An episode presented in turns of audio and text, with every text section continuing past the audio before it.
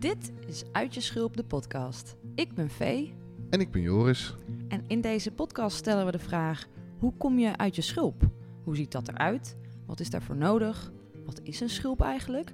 En waarom hebben we een schulp? We gaan met onze eigen kennis en de expertise van onze gastsprekers op zoek naar antwoorden. De thema's ontwikkeling, mentale gezondheid en connectie staan centraal in onze zoektocht. Deze podcast is zowel bedoeld voor mensen die zich pas net in zelfontwikkeling beginnen te verdiepen, als mensen die al meer bekend zijn met het onderwerp. Het is voor iedereen die zich soms een beetje vast voelt zitten, die graag wil groeien, die zich afvraagt waarom ze zijn zoals ze zijn en of dat ook anders kan en zo ja, hoe je dat doet. Pak een drankje en schuif lekker aan. Laten we beginnen.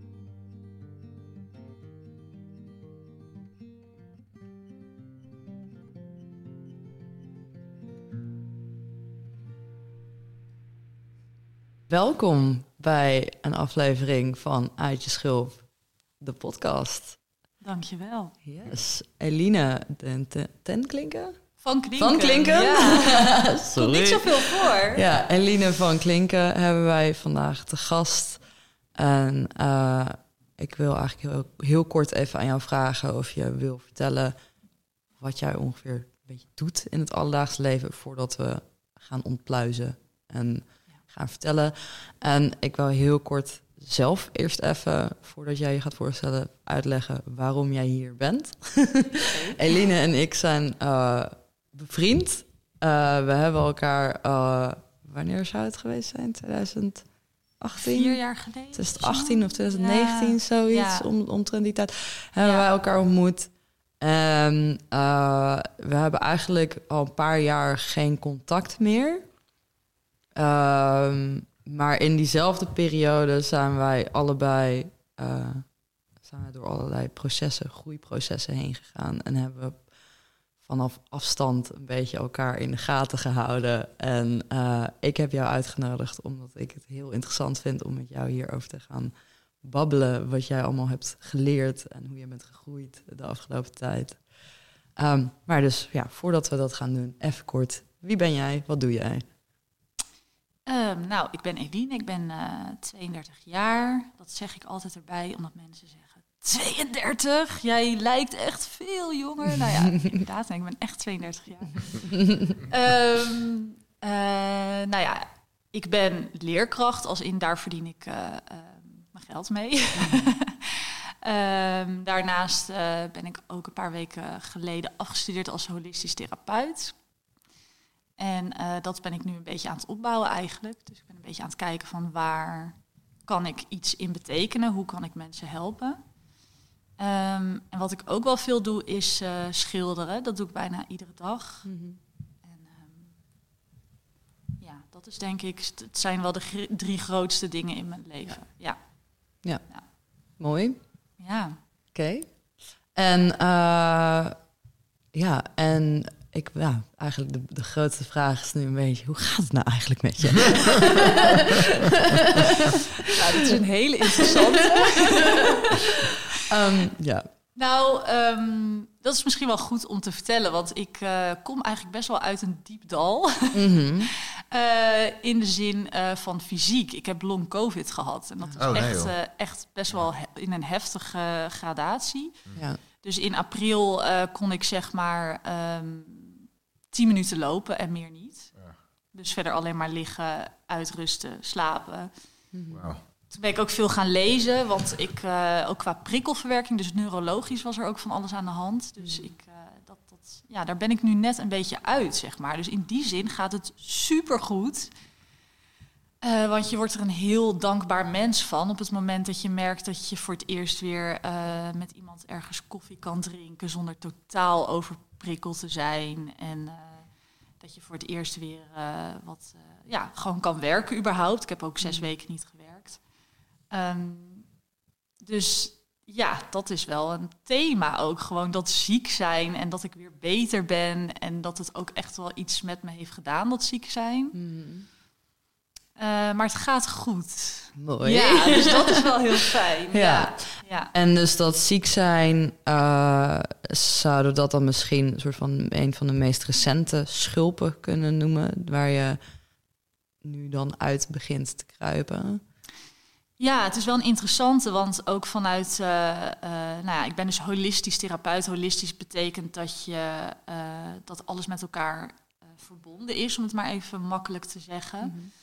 Ehm, dus ik geloof ook wel heel erg in dat je je fysieke lijf en wat je dus mentaal of emotioneel meedraagt of meemaakt, dat het dus met elkaar in verbinding staat. Dus ik zie ook vaak een ziekte, of nou ja, hè, echt in het holisme zou je het dan ook niet eens een ziekte noemen, maar het is meer je ervaart iets en dat noemen wij ziek zijn. Ehm, eh, dat zie ik dan ook altijd wel als een teken van oké, er is blijkbaar iets uh, wat mijn lichaam nu aangeeft. Dus daar moet ik wel even naar kijken, zeg maar. Dus, ja. um, in die zin zie ik ook de afgelopen periode niet als van oh, dat was echt afschuwelijk. Ik laat het achter me en ik denk er nooit meer aan.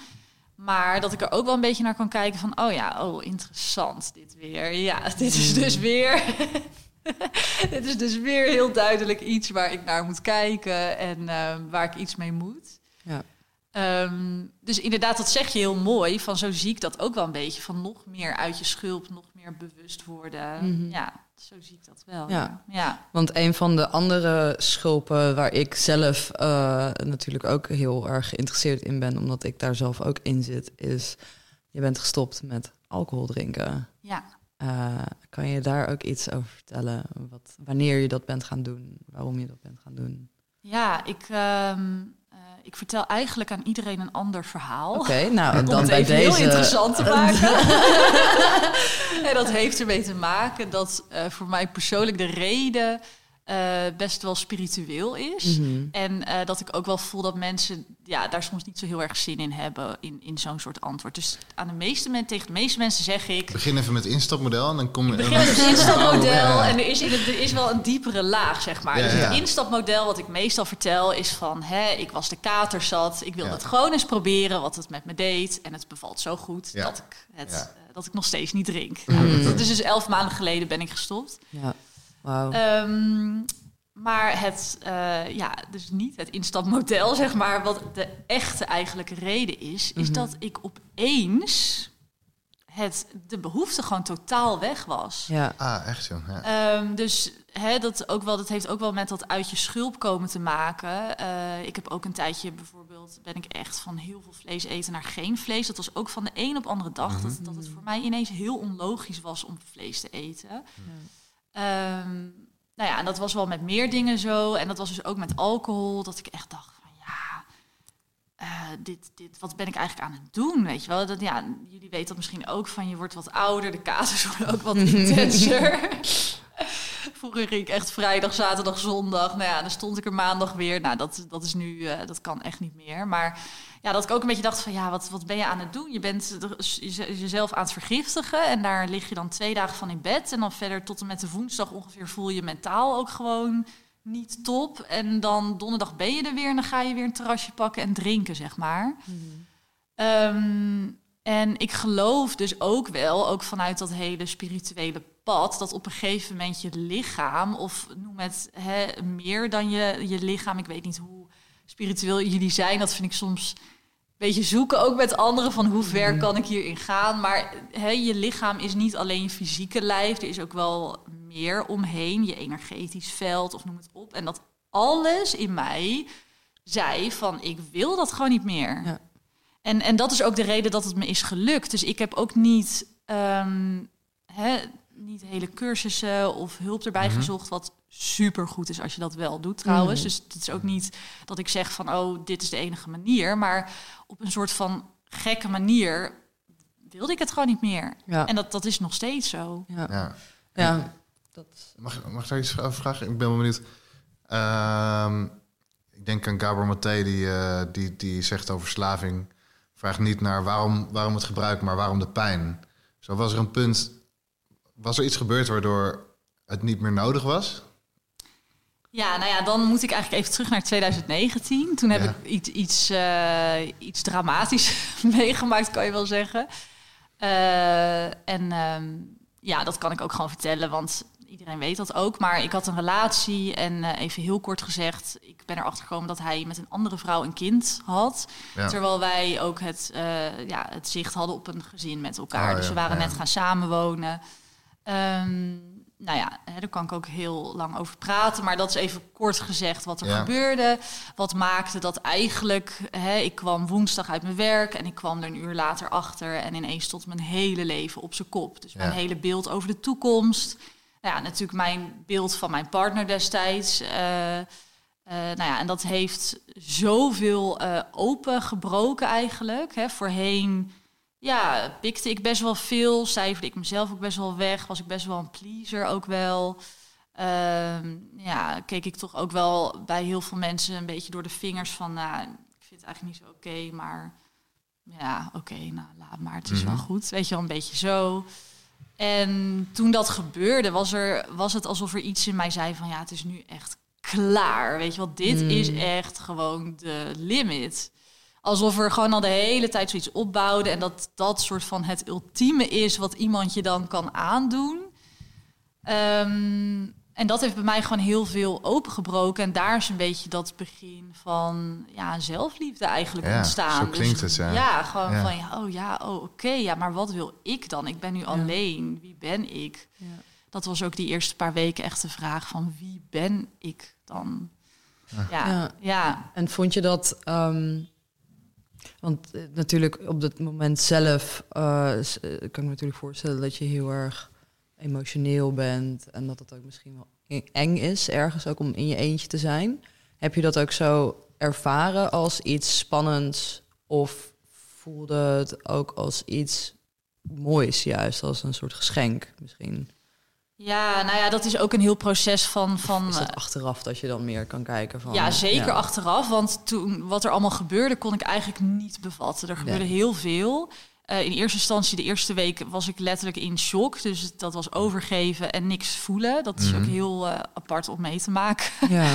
Ehm, nou ja, en dan moet je dus weer verder met je leven. Dat, misschien dat sommige mensen dat ook wel herkennen van ja, gewoon iets heel heftigs meemaken of iemand die overlijdt en dat je echt denkt van ik weet niet hoe ik naar de volgende minuut moet, naar de volgende seconde bijna. Dat je echt denkt ik weet echt niet hoe ik dit ga doen. Dus dat voelde inderdaad wel heel alleen. Ik had wel echt hele fijne vrienden en familie om me heen die gewoon hebben gezorgd dat ik at en dat ik sliep. En nou ja, die, die gewoon echt eh, er heel erg voor me waren. Op mijn werk ook hele lieve collega's. Dus ik voelde me wel heel erg gedragen. Ik voelde me nooit echt eenzaam.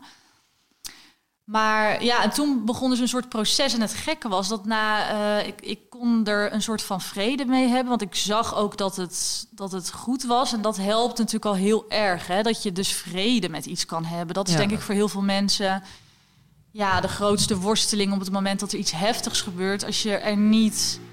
Als je heel lang met die waarom-vraag zit, of waarom gebeurt dit, of ik, ik kan niet bevatten waarom dit. Ja. Of Dat- waarom dat is gebeurt heel- dit mij? Hebben Ja, veel mensen ja, ook. Ja, dat, dat, is, dat, dat is denk ik een hele moeilijke vraag. Ja. Ja.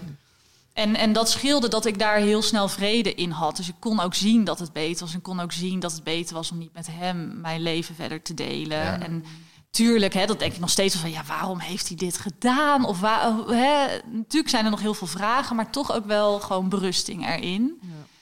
En, ehm, nou ja, en toen, na ik denk twee maanden of zo... Nou, toen heb ik echt een soort van een half jaar... ja, dit klinkt heel raar hoor jongens... maar echt alsof ik aan de ecstasy zat. Gewoon zo intens blij en, en een liefde. Nou, ik heb ook toen een tijdje met een man gedate... en die zei ook van, ja, jij was gewoon liefde. Gewoon één, echt een bom aan, aan, aan liefde, openheid, zachtheid. Ja, echt. eh, ik, ik dacht ook, wat gebeurt hier? Wat is dit? Oh, dat is fantastisch. ja, en ik heb ook wel, ik heb toen. Werd je op één dag zo wakker dat je voelt dat er was er iets geswitcht of ontstond? Nou, ik weet nog wel een beetje die week, ja. Dus ik voelde heel erg... Het, is dus allemaal heel lijfelijk, dit, hè? Ja, dus ja. echt, het is niet dat ik mentaal iets bedenk. En dan, maar het is heel erg fysiek, deze ervaring. Ook die ervaring van shock, eh, rouw, verdriet. Ja. Ik zat echt helemaal in het diepste van het diepste. En, en dan ook, ja, zo, zoveel rust. Blij, echt alsof gewoon alles ineens klopte. Dat ik echt Ja. alles heel helder zag. Ja, het is heel moeilijk uit te leggen. Ehm, En, en ik zat ook gelijk met heel veel vragen hoor. Ik, ik dacht ook van ja, wat is dit? Want ik was ook helemaal niet spiritueel of zo. Dus ik Mhm. was wel dat ik af en toe naar yoga ging, ben heel gevoelig. Weet je wel, dus een therapeut was gezegd van ja, het is wel goed voor jou om af en toe een beetje te mediteren en yoga en zo. Dus dat wel, maar niet op een heel diep niveau van een spirituele ervaring.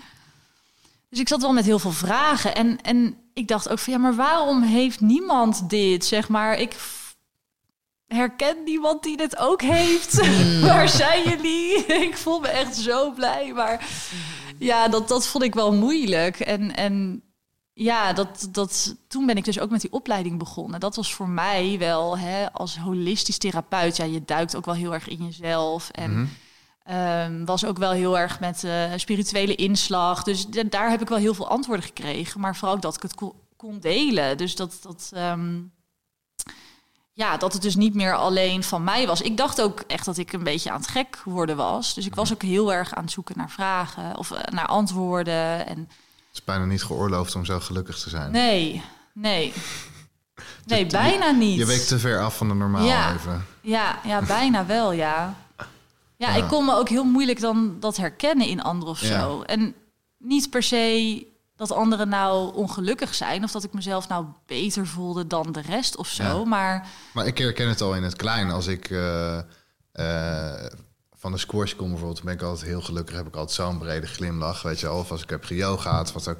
ja, Eh, of mooie wandeling. Soms heb je van die momenten dat je gewoon intens gelukkig bent. ja, En dan ga je ook mensen zo tegemoet, weet je, op de fiets of die langslopen. En, en de ene helft van de mensen die gaat dan aan, die lacht dan terug. En de andere helft, die denkt inderdaad echt dat je gek bent. Ja. Zo, het is gewoon echt niet... nee. Het is een soort... Voor, Ja. heel, voor een heel goed gedeelte van de mensen is dat, is dat te weird om, Ja. zo, om heel gelukkig te zijn. Ja, en ik besefte me ook al vrij snel dat die staat van zijn best wel een impact had op mijn leven. Want ja, denk je ook eens in je, je vriendschapsrelaties, eh, relaties met ouders, familie. Ik voelde me zo anders. Dat het had best wel. Ik heb ook wel eh, bepaalde vriendschappen niet meer uit die tijd. Mhm. En dat, dat is natuurlijk wel lastig. Dat je daar echt dat je het een soort van moet uitmaken met, met een, Ja. met Want een wa- waar, liep je tegenaan? Wat waren de, wat waren de uitdagingen? Ehm, nou, ik had heel erg behoefte aan. eh, ja, dat is wel een goede vraag. Nou, ik denk dat het ook wel ermee te maken had dat hè, ik had heel erg behoefte aan, aan eerlijkheid en openheid. Ook vanwege natuurlijk wat ik had meegemaakt. Dus in die zin heb ik het ook altijd wel naar mijn omgeving toe heel erg bij mezelf neergelegd. Hè, van ik eh, ja, heb gewoon heel erg behoefte aan, aan die eerlijkheid. Omdat hè, iemand natuurlijk ja, echt wel lang tegen me heeft gelogen. En op zo'n manier dat ik dat gewoon niet kon begrijpen. Ehm, maar ja, het voelde dus ook nog wel iets dieper van, hè, als we het ook hebben over die alcoholvraag, bepaalde dingen, ik, dat kon ik gewoon niet meer. Dus ik kon niet meer heel erg roddelen, ik kon niet meer heel erg meegaan in bepaalde dingen. En ik, Er zit een puurheid in je. ja, nou, ik, ik vind, je merkt misschien een beetje aan, maar ik vind het ook heel lastig. Want altijd als het hierop aankomt, ben ik altijd een beetje bang dat ik heel verheven klink of zo. Of dat het een beetje klinkt van, nou ja, ja, ik ben. Maar en als eh, je, als je nou eens van ons de toestemming krijgt om Ja. hier helemaal te mogen stralen en te Ja. mogen zijn wie je bent, ja. zonder enige gêne. En als je je nou achteraf schaamt ervoor, dan kunnen we het altijd eruit knippen. Maar ik zou zeggen, laat je alsjeblieft is- zien. dat is fijn. Ja. Ja, dat is fijn. Dat is mooi dat je het zegt, want dat vind ik wel moeilijk. Ja, dat is Ja. nog steeds. Kijk, dat hele eh, wolkjes, vlindertjes, eh, roze, dat is, dat is wel gelukkig een beetje weg. Maar mensen die zien ook aan mij dat, het, dat, dat er wel echt iets veranderd is. En ehm, ja, dat vind ik ook wel weer mooi, want eh, nou ja, mijn vader die is bijvoorbeeld heel gereformeerd eh, opgevoed. Ja. En eh, nou, hele, an- komt van een hele andere invalshoek. Ja, en die, die zegt dan soms wel eens een beetje met een grap van... ja, zweeft even, jij met je, weet je, weet je heksendingen en noem maar op. Maar in die end is hij heel gelukkig, want hij ziet wel dat, dat ik echt heel eh, blij ben. Ja. En dat wat er ook gebeurt, dat dat wel iets moois is. En dat vind ik ook wel mooi. Dus hij is ook wel dingen gaan lezen die ik ook lees. Oh, hij echt? staat er ook wel in die zin open voor. Dus oh, mooi. Ja.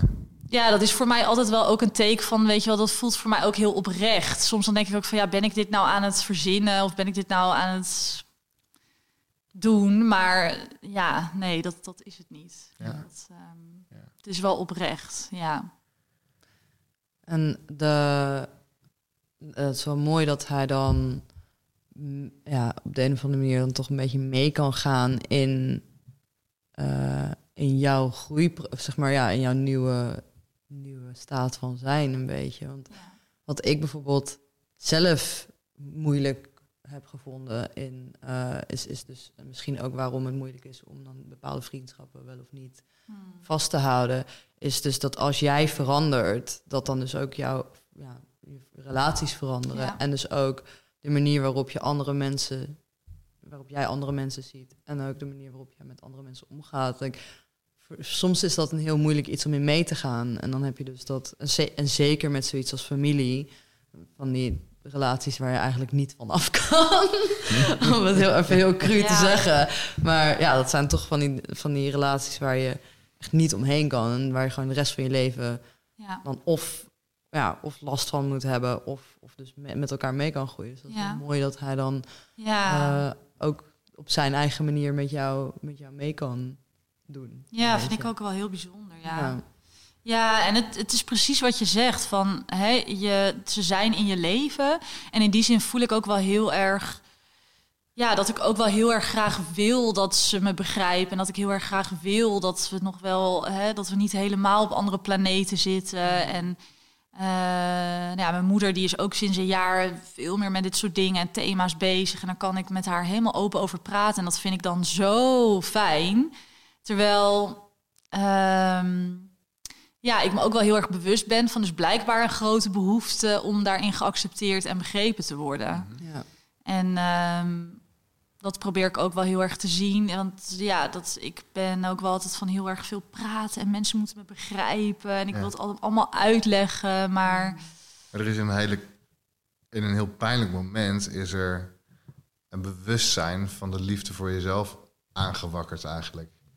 En daarmee treed je naar buiten. Dus ja, dat is natuurlijk ook iets wat je, eh, ja, wat je positief geaccepteerd wil zien. ja, Eh, Want anders doet dat natuurlijk superveel pijn. Want dan wijst iemand eigenlijk de liefde af die je net voor jezelf en zelf hebt gevonden. ja, mooi, ja. Ja. Ja, ja, ja dat zeg je wel mooi. Ja, want dat, dat gevoel van eh, begrepen willen worden, ik denk dat dat eh, wel behoorlijk eh, universeel iets is, of een universele behoefte is die wij kunnen hebben. En nu de. Nou, laat, laat me kijken of ik deze vraag goed kan stellen. Ten eerste, ehm, denk jij dat jij jezelf nu beter begrijpt dan voorheen, dan voordat dit gebeurde? En ten tweede, hoe is het dus, in welk opzicht is het nu belangrijk dat andere mensen jou begrijpen? Mhm. Hmm. Of ik mezelf echt beter begrijp. Ehm, ja, het voelt voor mij ook nog wel heel erg als het begin van een. eh, kijk, het is, gaat natuurlijk door totdat je doodgaat. Het is niet dat je op een gegeven moment denkt van, ah nee, nu snap ik echt alles gewoon. Mhm. maar het voelt ook wel heel erg dat ik aan de beginperiode hiervan sta, zeg Ja. maar. Dus ik weet niet of ik mezelf echt heel veel beter begrijp, maar ja, wel meer bewust van heel veel dingen. Waar ik dan misschien voorheen eh, voor wegliep. Of hè, met drinken natuurlijk is ook wel heel eh, fijn en handig en zo. Dat je Mhm. het kan verdoven. nou, hoef je, er, hoef je er niks mee. ja. Het zit er wel, maar eh, ja. Nee, dus dat, dat, ik ben wel veel meer bewust van, van heel veel dingen. En dat maakt het leven veel eh, liefdevoller, maar ook ehm, ja, maakt dat ik veel meer in verbinding sta met anderen. Het maakt het wat. ehm, ja, mijn energie gaat naar andere dingen uit. Dus ik heb ook wel, hè, even los van het hele long COVID, eh, maar wel meer energie. En dat, dat, ja, dat ik voorheen toch wel wat meer, ja, dat de dagen, wat zwaarder waren. Dat ik ook wat meer ja, bij de dag leefde, niet heel erg uitkeek naar, eh, naar andere dagen. Ja, nou ja, als, die, als diegene dat wil doen, dan ga ik wel mee en dan zie ik het wel. Dus niet heel, ja, niet heel erg van wat wil ik zelf of wat, wat past bij mij of wat is voor mij fijn. Ik ben er ook pas sinds kort achter dat ik dus best wel heel gevoelig ben en dat het ook belangrijk is om daar ruimte voor te maken om alleen te zijn en dus dat schilderen dat ik dat dus heel fijn vind. Mhm. Ehm, en wat was je tweede vraag ook alweer over? En in hoeverre, ehm, ja, hoe, hoe het begrepen worden, wat voor belang dat heeft. Ja. Ja, kijk, ergens vind ik dus dat dat geen belang heeft. In die zin dat ik dat voor mij zou willen. Dat ik daar wat meer los van kan staan. Dat ik gewoon wat meer mezelf kan zijn. Zonder dat ik de hele tijd die behoefte heb om uit te leggen en begrepen te worden. Ehm, maar ja, dat is, dat is voor mij wel een thema. Dat is ook wel iets waar ik eh, ehm, ja, ook wel de afgelopen paar maanden veel over praat of mee bezig ben, is dat ik mijzelf altijd wel heel anders voel en misschien zelfs ook wel raar. En dat ik ook heel erg het gevoel heb dat anderen mij raar vinden. Ehm, en ik denk dat daar ook wel een beetje die behoefte van, van uitleggen de hele tijd Ja. vandaan komt. Ja. ja. Want ik, ik, ik, ik ken zelf ook dat gevoel van dat je eh, eh, dat je anders voelt of raar voelt. Of dat je bang bent dat andere mensen een bepaald oordeel over je hebben. En, en dus ook die behoefte van jezelf uitleggen een beetje Ja. aan de wereld of zo. Dus Ja. dat, dat je graag die behoefte van dat je begrepen wil worden. En dat als mensen jou begrijpen, dat ze dan eh, dus meer begrip van je, voor Ja. je hebben. Dus meer van je kunnen houden. eh, of dat er meer ruimte voor jou ontstaat. Dan zo dus voor mij in elk geval dat het, dat het op die manier een beetje op mij, voor mij voelde. En ik merk dus voor mijzelf hoe meer ik in mijn eigen zelfliefde ben geklommen, hoe minder dus inderdaad dat, dat andere mensen mij begrijpen, hoe minder belangrijk dat wordt. En Ja. bijvoorbeeld een van die dingen is dus dat met alcohol drinken, ehm, dat dat, ik heb bijvoorbeeld nooit echt behoefte gehad om dat uit te leggen aan mensen. En van dat, dat, terwijl best wel veel mensen dan naar mij toe komen met van, oh, maar is dan niet dit? En oh, maar ik zou zo en ik zou dus. En dan, dat, het is een, een heel aparte ehm, vorm van gesprek die je krijgt als je, als je geconfronteerd wordt met weet je wel, gedrag wat eigenlijk hoort bij het over, tegenovergestelde van zelfliefde. Want dus uiteindelijk Ja. is het self-destruction. Ja. En eh, ik, weet, ik, heb, ik weet al lang niet meer wat mijn punt is. Ik wil hem overpakken. Pak hem Ik vind, over. het wel, ik vind het wel int- heel interessant wat je zegt. ja. Dus in een, zeker in zo'n fase dat je eigenlijk iets nieuws ontdekt van jezelf... en dat je eigenlijk uit die schulp kruipt zo... en eh, in je hele stralende bezigheid. Eh, maar ergens voel je er ook voorzichtigheid. En, en zelfs is er een deel van je dat zegt... Oh, ik voel me ook wel een beetje raar, misschien wel eh, een beetje gek of zo, weet je wel. Anders. En dan ga je uitleggen aan anderen waarom je zo bent als je bent of zo. Maar ehm, wat, is er dan, wat is er dan raar aan jou? Ehm, ja.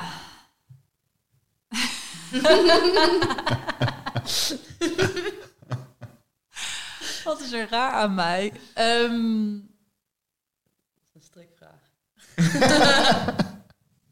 nou ja, ik zie meer beelden, zeg maar. Ja, ik ben sowieso Ja. een beelddenker. Ja. Dus ik zie mezelf gewoon iemand, als iemand die heel erg druk is, heel veel praat. Ja, Maar ook, ehm, ook dat weer helemaal niet is. Dus ook heel erg in haar eigen fantasiewereld. Compleet alles verliezen.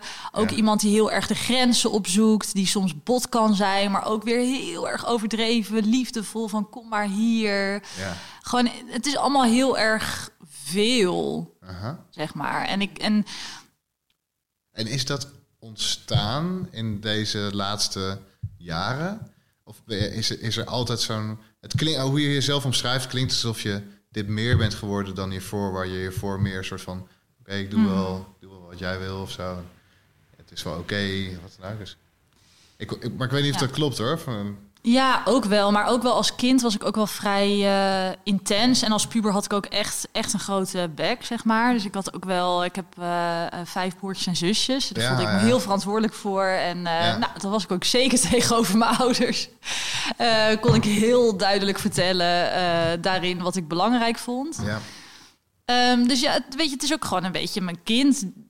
Het kind in mij dat wel veel hoorde van... nou, nou eens even je mond, doe Ja, eens even normaal. Dit kan echt niet. En, eh, of dit doe je toch niet aan. Ja. Eh, maar nog steeds ook wel hoor. Mensen die zeggen van ja, jij bent zo eh, intens. Of jij kan niet normaal iets kijken of luisteren of doen. Jij moet er gelijk helemaal obsessief. ja, dat, dat hoor ik wel eens. Ja. Maar nu, nu ik mezelf ook accepteer zoals ik ben, kan ik er gewoon om lachen als Ja. mensen dat zeggen. Maar ik denk dat, het, dat er ook nog wel een klein beetje die pijn zit van vroeger. Van ja, dat ik. En zit er, kijk, er kan ook natuurlijk. Aan ene alles zit het zoeken naar een balans, toch? Je kan dingen helemaal gaan laten gaan en, en kijken van, oh ja, waar, vind- Mm. Waar, waar kost iets me eigenlijk ook soms te veel energie, bijvoorbeeld, weet je wel? Dus dan komt het vanuit jouzelf. Ik ben wel benieuwd hoe je je eigen eh, innerlijke speelse kind eh, Mhm. eh, de ruimte geeft en soms ook weer beperkt. Omdat wat je ook zegt, ik, ik ben achter dat ik ook wel een sensitief persoon ben, dat ik ook rust nodig heb, bijvoorbeeld. Ja. Dus hoe, hoe, hoe, hoe, hoe zoek je die balans? Hoe ben je daarmee bezig? Nou, heel praktisch gezien ben ik dus altijd iemand geweest die eigenlijk alles leuk en interessant vindt en alles wil doen. Ja, En op een gegeven moment heb ik wel in mijn leven de keuze gemaakt van ja, wat, wat doe ik hier eigenlijk op aarde? En wat eh, zit er ergens een soort connectie in met alles wat ik doe? Van is er, is er een soort van kern van oh ja, dit, dit is echt wat bij je past. En ik zou nu niet zeg maar de opleiding tot chef-kok gaan doen, want je vindt Ja. koken wel heel leuk, maar ja, dat wijkt misschien een beetje te veel af van, van, het, van het idee, zeg maar. En toen Ja. ben ik wel tot de conclusie gekomen, om het een beetje algemeen te houden, dat ik een, hier ben om verhalen te vertellen. Nou, daar past het lesgeven bij, er past ook schilderen bij. En eh, ik hou ook van muziek maken. Dus dat, dat, dat voelt voor mij heel fijn. Dat ik denk, ja, dat klopt voor mij. Dus dan kan ik ook een beetje kaderen van... Hè, daar mag ik dan mijn energie in steken. ja. En meer op persoonlijk vlak, dus hoe ik ben en, en mijn dagelijks leven, ehm, heb ik allerlei ritueeltjes eigenlijk, waardoor ik heel erg eh, tot rust kom. Eh, het aarde is bij mij heel belangrijk, hè, want ik heb een hele fantasie, maar ook energetisch zit ik heel hoog, heel zweverig. Mhm. Ehm, dus ik heb eigenlijk allerlei dingen gevonden en dat houd ik heel erg vol, omdat dat dus werkt. Hoe, Dus daar, dat- hoe haal je dat naar beneden? Hoe haal je dat naar de aarde? Hoe maak je het concreet? Of hoe? Nou, mijn held is Wim Hof. Ja, Die is echt, ja, dat, sowieso is die gast echt, eh, echt geweldig. Maar zijn methode werkt voor mij heel goed. Kan Ja. ook voorstellen dat het voor sommige mensen niet werkt. Ook prima. Maar ja, ik heb me daar helemaal in gevonden. ja, Eh, omdat het heel eh, lijfelijk is. Ehm, het is ook best wel met veel energie. Hè? Dus echt Ja. hyperventileren, ijsbaden, koud douchen. Nou, veel kracht zit erin. Dat past ook wel bij mij. En dat maakt wel heel erg dat ik weer met beide benen op de grond kom. Ja. Ehm, dus dat is eigenlijk wel mijn dagelijkse grootste pijler voor tot rust komen. Weer Ja. terug in het lichaam. Ehm, ja, dat heeft me echt ontzettend veel gebracht. En ik durf ook wel te zeggen dat dat ook wel deels heeft gemaakt dat ik zoveel energie heb. En Hm. eh, misschien zelfs ook wel een beetje het stoppen met drinken. Omdat je dus zo bewust met je ehm, lichaam bezig bent. Ja. Dus dat, ja, het, het is, ik ben me daar eigenlijk niet meer bewust van, omdat het voor mij zo normaal is. Maar eigenlijk is, is hij dus wel heel belangrijk eh, in mijn leven, Wim Ja. Hof. Ja. ja. ja, Als je luistert, Wim, dank je wel. Dank. En kom vooral een keer te gast. ja. Eh, van schilderen kan ik me ook heel goed voorstellen dat het een eh, manier is om eh, van alles dat eh, zweeft en, en, en, en vliegt, om dat concreet te maken, om dat een vorm te geven. Ook al is het niet figuratief, wat ook, maar dat het ergens mag zijn, dat het ergens mag leven of zo. ja, zeker. Ja, ik ben er eigenlijk mee begonnen toen, het dus, eh, toen die relatie dus uitging. Ja, en toen speelde er zoveel... zwart. Nou, er speelden zoveel complexe dingen in mijn hoofd af. Van dus die vreugde, Ja. wat mensen natuurlijk ook niet begrepen. Ja, Maar ook wel verdriet, ook wel rouw. Eh, nou, ik, ik zat ook best wel in een proces van het loslaten om moeder te worden. Daar was ik ook heel erg aan toe. Dat is ook wel echt iets wat ik heel graag had gewild, wil ik nog steeds. Maar dat was ook een heel, uh, nou, bijna ook een soort rouwproces. Het loslaten van uh, het op korte termijn moeder worden. Um, dus er, er gebeurde zoveel en ik kon dat eigenlijk gewoon niet uitleggen ook aan mensen. En toen dacht ik van ja, het, ik zag het ook als een soort beeld. Dus ik zag mezelf en ik zag een. Het was voor mij een heel duidelijk beeld en ik schilderde dat. En mensen zagen het en ze moesten zo huilen omdat ze precies begrepen wat ik voelde. Hmm. En, en ook dat merkte ik ook in hoe ze erop reageerden en de vragen die ze stelden. Dat ik dacht van ja, nu, nu snappen ze, ja, komen ze weer op dat begrip. Maar dat was wel heel erg fijn dat, dat ik zo duidelijk kon uitleggen wat er in mij uh, afspeelde. En um, dus dat is inderdaad een heel uh, fijne uitlaatklep. Hmm. Om het allemaal een beetje, uh, ja, inderdaad eruit te krijgen. Ja, lekker. Ja. En op zich ook wel interessant, want vaak dan zijn uh, woorden of ja, hoe zeg je dat? De manieren die wij dan proberen te vinden om onszelf uit te leggen aan andere mensen, uh, laten te weten hoe we ons voelen, vaak inadequaat als het gaat om, om, om kunst of, of iets wat, wat meer abstract is, waar mensen zelf uh, iets wat gewoon inderdaad heel duidelijk een gevoel weergeeft. Uh, dat mensen dat eerder begrijpen dan, dan, uh, ja, dan iets heel verbaals of zo. Of iets ja. wat, wat we heel een soort van voor hun hebben. Oké, okay, als ik dit en dit en dit uh, vertel, dan weten ze hoe dat en dat en dat voelt. Terwijl voor ja. heel veel dingen is het gewoon dat, dat zelfs via een symbool of zo al ja. heel, heel snel iets kan triggeren. Ik heb vaak het gevoel dat we veel sneller uh, naar complex grijpen, terwijl simpel veel meer, uh, veel meer doet. In taal eigenlijk. Nou ja, niet alleen in taal, maar ook in hoe we, hoe we, um, hoe we überhaupt met, met communicatie omgaan. Uh, en en ja, iemand die bijvoorbeeld. Kijk, ik, ben, ik, ik moet weet je, 50 pagina's gebruiken om tot mijn punt te komen. Vaak. Um, maar ik kan bijvoorbeeld ook gewoon even mijn hand op iemands schouder leggen. En dat mensen vaak dan van die hand op schouder meer voelen wat ik wil overbrengen dan die 50 pagina's, zeg maar. En dat is toch een, een interessant iets, vind ik, van hoe, ook hoe kunst en, en um, ja, dingen zoals echt met je lichaam bezig zijn, ja. uh, helpen met het vertalen van hoe je complexe binnenwereld is. Ja. Dat ja. is geen vraag of zo. Dat is meer. Nee, ja, helemaal mee eens. Ja, zeker. Ja. ja, absoluut. Ja, en heb jij dat je nu ook nog um, in jouw... Ja, hoe zeg je dat? In de, de tools die jij nu gebruikt van Wim Hof... Um, want daar ben je natuurlijk nu ondertussen aan gewend. Mm -hmm. Heb je dat je daar dan ook nog weer, zeg maar, nieuwe dieptes uh, hebt, hebt die je opzoekt. Of dat je merkt van oké, okay, zijn, er zijn nog steeds dingen waar ik doorheen aan het breken ben. Ja, ja dat is wel een interessante. Nou ja, vorig jaar wilde ik natuurlijk ook meteen Wim Hof uh, instructor worden. Mm. dat is weer zoiets dat ik dacht van nee, doe nog maar heel even niet. Zeg maar even een stap weer terug.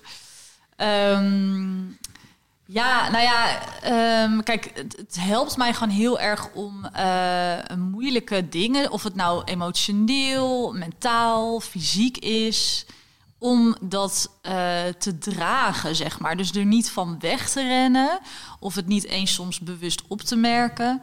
Maar om uh, ook door die ademhalingsoefeningen of ook door het koud douchen uh, kan er ineens van alles omhoog komen. Maar dat is ook wel heel fijn om het op die manier los te laten. Dus het is meer. Um, ja, dat is echt heel erg praktisch. En wat er dan naar boven komt, ja, dat uh, gebruik ik dan vaak in een meditatie. Of dat ik daar bepaalde ritueeltjes met kaarten trek. Of dingen opschrijf. Of juist verbranden. Of het met iemand samen heel erg doen. In een ja, meer soort therapeutisch proces, zeg maar. Um, en ja, het heeft mij toen heel erg geholpen in die rouwperiode. En het heeft me de afgelopen maanden dus heel erg ook weer geholpen in dat hele long covid. Om gewoon ook maar weer hè, uh, uh, je lichaam te durven waarderen. En niet alleen maar te denken van jemig, ik kan niks meer. Wat is dit? En ik drink al niet en ik leef heel gezond. Ja. En nu het lichaam werkt ook niet mee. Ja. Maar om door heel erg te ademen en het leven in je te voelen. En eigenlijk wat, ja, hoe mooi en, en bijzonder je lichaam is. En hoe je lichaam je draagt. En alles in werking stelt om uh, te helen. Keer op keer, maar weer opnieuw. En dat het tot veel meer in staat is dan wij denken daar, dat, daar kom je pas bij als je echt contact maakt met je lijf. En dan kan je mentaal bijna niet bijkomen. Mm. Dat, uh, dus ja, ook door dat weer te gebruiken, heb ik eigenlijk ook weer opnieuw mijn lichaam leren waarderen. Ook er echt blij mee te zijn en weer vreugdevol te zijn over mijn lijf. En niet alleen maar te denken van ja, doet het niet en het werkt niet en ik wil zo snel mogelijk weer beter worden. Frustratie. En, mm. ja. Ja. ja. ja, mooi, heel mooi. En hoe is het uh, in je pad van leerkracht naar holistisch therapeut? Of hoe, ziet het eruit? Wat, wat zijn daar in je... Waar, waar, waar, kom je vandaan? Waar sta je nu? En waar, waar ben je naartoe op weg? Uh, ja. Ja, dat is eigenlijk mijn rol als leerkracht. Hè? Want kijk, in het schilderen en in uh, mezelf als therapeut kan ik eigenlijk dit heel goed kwijt, deze mhm. ervaring. Um, als het gaat om het lesgeven, vind ik dat dus eigenlijk wel het lastigste van alles wat ik doe in mijn leven. Um, in die zin dat het heel erg uh, ja, voelt als een bepaald systeem dat toch wel heel erg gericht is op cognitieve prestaties. Ja. Wat niet zo heel erg strookt bij hè, voelen, uh, omgaan met emoties, omgaan met moeilijke dingen. En natuurlijk als leerkracht, weet je wel, ik heb die kinderen, ik geef les aan groep 3, 4. Ja. Die heb ik elke dag in mijn groep. Dus logisch dat, hè, dat ik wel bepaalde oefeningen met ze doe. En natuurlijk ook in hoe ik ben en hoe ik met ze praat, dat daar wel ruimte voor is. Maar in die end moeten ze wel bepaalde rekendoelen halen. En in die end moeten ze die letters kennen. Um, en het, het fijn is dat ik vind het nog heel erg leuk. Dus ik heb echt een heel fijn team. En ik vind het heel leuk om te doen. Ik vind het super leuk om met die kinderen te werken. Dus weet je wat, ik, het komt totaal nog niet in me op van ik wil daarmee stoppen. Maar ik vind het soms wel lastig, want het voelt soms ook een beetje als toneelspelen en mm. meedoen in die hele race. En ja, weet je, je kent het ook wel een beetje van wat nu natuurlijk in het nieuws is, dat de druk ligt heel hoog. Dus hè, het is niet raar als een collega aan het huilen is. Dat komt bijna dagelijks voor, dat de druk en de stress zo hoog ligt. Dat ik ook wel heel veel dingen zie die wel heel pijnlijk en moeilijk zijn mm. in het onderwijs. Ja. Ehm, dus dat vind ik soms wel lastig, ja. En dan kom ik heel erg met mijn Wim Hof uh, s ochtends uit bed. en kom ik daar in natuurlijk wel een bepaalde omgeving... die andere dingen van mij vraagt dan gevoelig zijn en verbind, nou ja, verbinding maken wel. Want dat, dat vind ik dan wel weer heel mooi. Je werkt natuurlijk wel heel erg in een team en met mensen samen. In die zin is dat er wel. Ehm, maar het vraagt wel bepaalde andere dingen soms. En ook uh, dat ik wel vaak hoor van ja, je moet wat harder zijn en wat strenger. En uh, hè, dat, een omgeving die zo onder druk staat, heeft het ook nodig dat je heel goed je grenzen kan uh, ja. ja. Ja. Maar ik vraag me wel af uh, van wat, hoe zou uh, wat meer gevoeligheid in het onderwijs, wat zou dat voor effect kunnen hebben? Nou, ik denk dus stiekem dat bijna iedere leerkracht heel gevoelig is. Dat um, uh, het werk wat wij doen, dat het wordt altijd gezegd van het moet een passie zijn. En dat vinden de meeste leerkrachten een hele stomme uitspraak. Want ja, we moeten ook gewoon geld verdienen, zeg maar. Dus dan kan je alles heel erg een passie vinden en totaal geen salaris daarvoor krijgen. Dan is het gewoon niet leuk meer. Nee. Ja. Maar um... om een vraag dan te veranderen. Wat zou er gebeuren als er meer plek zou zijn voor ja. gevoeligheid? Ja, precies. Ik, dat, dat ik denk namelijk dat het gevoeligheid is een menselijk iets. Ik denk dat er vaak van ons gevraagd wordt dat wij onze menselijkheid ver moeten verdoezelen. Dus je moet harder zijn, je moet weet ik veel. Terwijl ik heb vooral ook het gevoel dat we kinderen dan ook aanleren dat je je gevoelens maar weg moet drukken. En hmm. ik heb meningen daarover. Um, veel meningen oh. vandaag.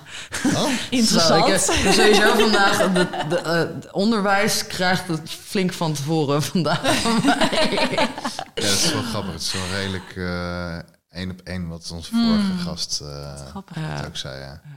Ehm, maar ja, dus ik wil graag weten, wat, wat, wat zou, hoe zou het onderwijs eruit kunnen zien als er meer Ja. ruimte zou zijn voor gevoeligheid? Ja, nou, ja, ik, eh, om even af te maken waar ik begon, want ik vind het Ja. wel belangrijk om te zeggen dat, dat er, eh, denk ik, soms vergeten wordt dat dus leerkrachten ook hele gevoelige mensen zijn. Mhm. Eh, en dat misschien de maatschappij hen meer ziet als hè, de strenge juf waarvan je niks mag of eh, waarvan je van alles moet.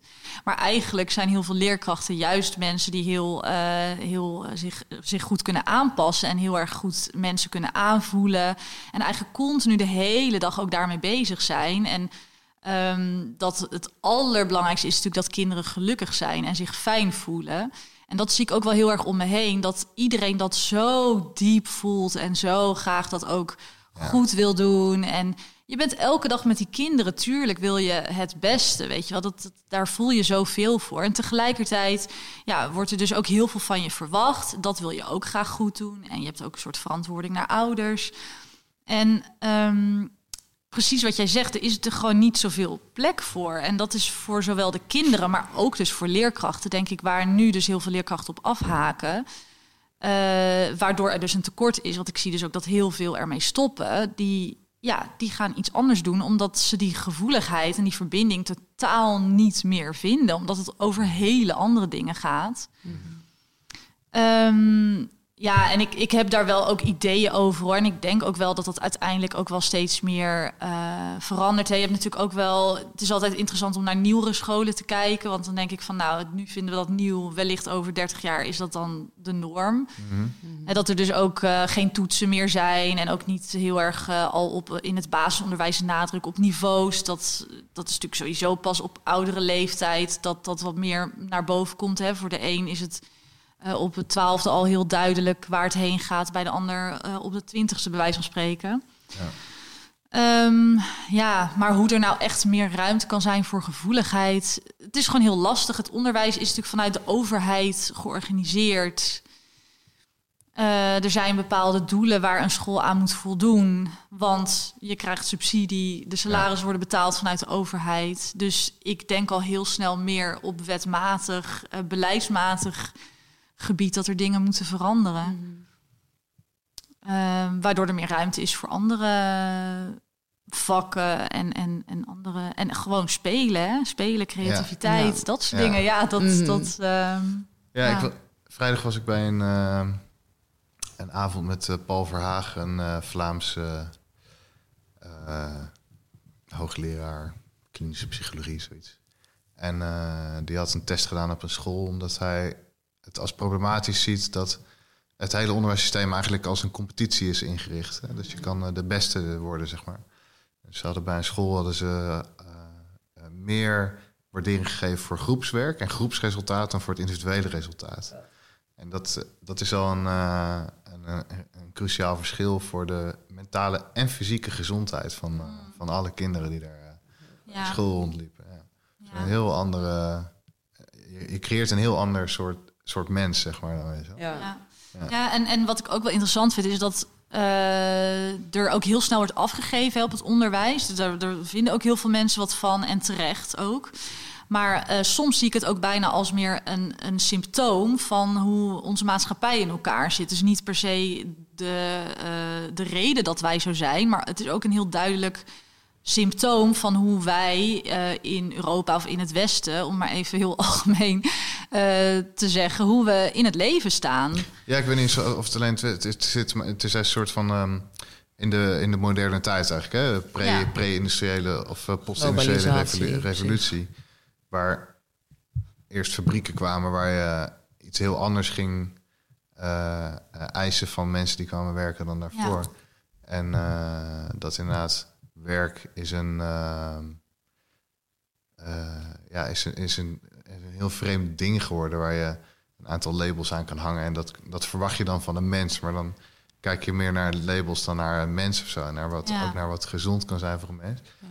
Eh, en het onderwijs loopt natuurlijk in die zin heel erg achter, omdat het eh, heel lang duurt om Ja. beleid groots te herzien en een heel groot systeem weer opnieuw te ontwerpen. Maar er zijn er natuurlijk ook scholen in Nederland die het, die het heel anders doen.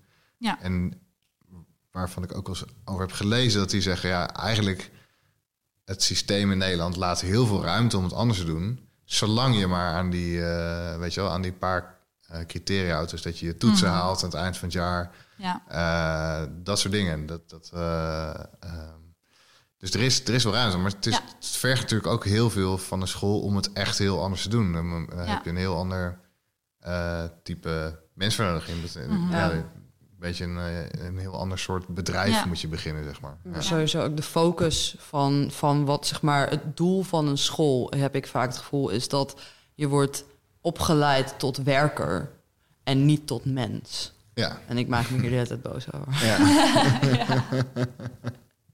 Want we hebben het hier inderdaad met de vorige gast ook nog over gehad dat, eh, dat, dat het ehm, systeem, wat, zeg maar, ja, dat onze waarden eigenlijk een beetje duidelijk worden in hoe, onze, hoe we met, met onderwijs omgaan. Dat er Mm. bijvoorbeeld eigenlijk helemaal niet gekeken wordt naar hoe je met elkaar omgaat. Ja. Eh, terwijl zoiets veel, van veel meer waarde is, ook niet alleen voor kinderen zelf, maar ook voor de maatschappij. Eh, als, als we meer zouden leren, weet je van, leer om je uit te drukken naar elkaar, leer om een conflict op een gezonde manier op te lossen, leer om samen te werken. Of ja, en in plaats van algebra. Wie de fuck heeft er ooit algebra nodig? Ja. Dat ten eerste. En, en ten tweede, gewoon, ja, sowieso de... de, de, ehm, het, zijn, het zijn een soort van kleine, kleine, kleine mini-fabriekjes. En niet zozeer iets voor, voor menselijkheid. Ja. ja. Ja, ik, ben Ja. het er, ik ben het er niet mee eens dat we wiskunde moeten laten vallen. Ik wel, 100 procent. Dit, We hebben, we hebben calculators. ja, oké. Maar eh Gaat zijn- niet uitkomen dit. nee, er is, om te falen. nee, er is heel veel wat je natuurlijk een soort van aan, aan feitenkennis leert, waar je niet zo heel veel aan gaat hebben in het leven.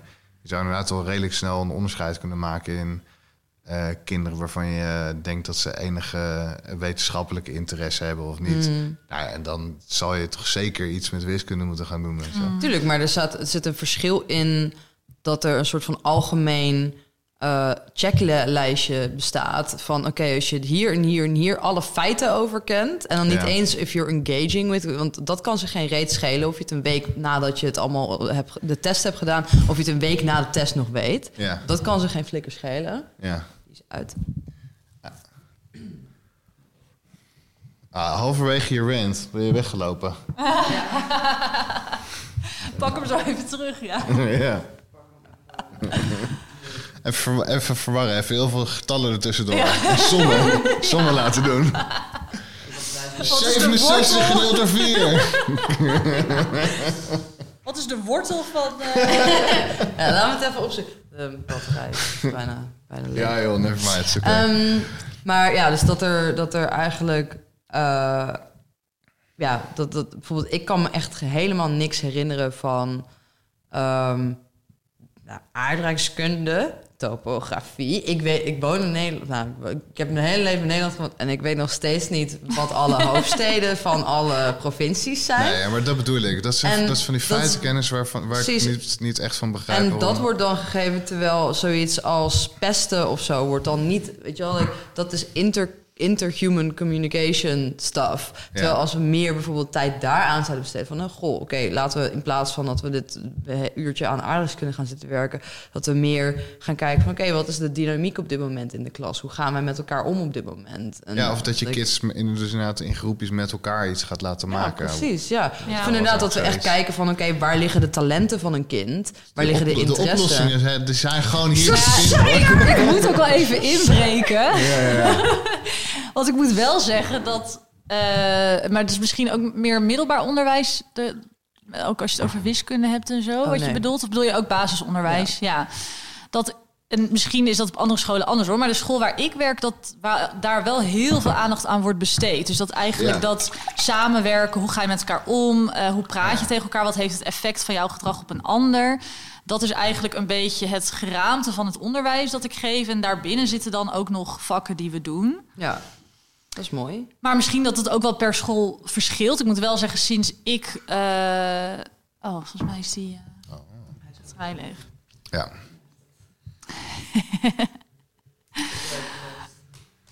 Ja, maar dat, dat ook wel sinds ik eh, het meer dan twintig jaar geleden op de middelbare school of op de basisschool zat, is er ook wel heel veel veranderd. Dus in die zin hè, zie ik ook wel dat daar heel veel gebeurt. Maar dat is misschien ook een beetje mijn opmerking van. Hè, Het voelt voor mij soms ook een beetje eh, als een symptoom van hè, het, de mate aan stress, eh, het moeten presteren, eh, de drang om te vergelijken, ehm, om eh, de beste te zijn, eh, om in een bepaald soort een norm te passen van dat is het goede pad en dat is vaag of dat is minder of dan dat dat voelt voor mij soms ook een beetje eh, alsof het bijna al voorschools erin zit. En dat zeg ik omdat ik dus met hele jonge kinderen werk, vind ik, groep 3, Ja. 4. En dat zit daar nu al zo erg in. En dan kan ik ze iedere dag vertellen dat, dat ze net zo lief zijn en dat ze net zo goed zijn. En Mhm. dat het mij echt niet uitmaakt als ze één som maken in plaats van tien. Ik voel dat dat heel diep zit. En dat vind ik wel interessant. Ik zeg absoluut niet dat ik het nou helemaal geweldig doe en dat ik het beste onderwijs geef. Want hè, ik, er kunnen zeker dingen ook anders.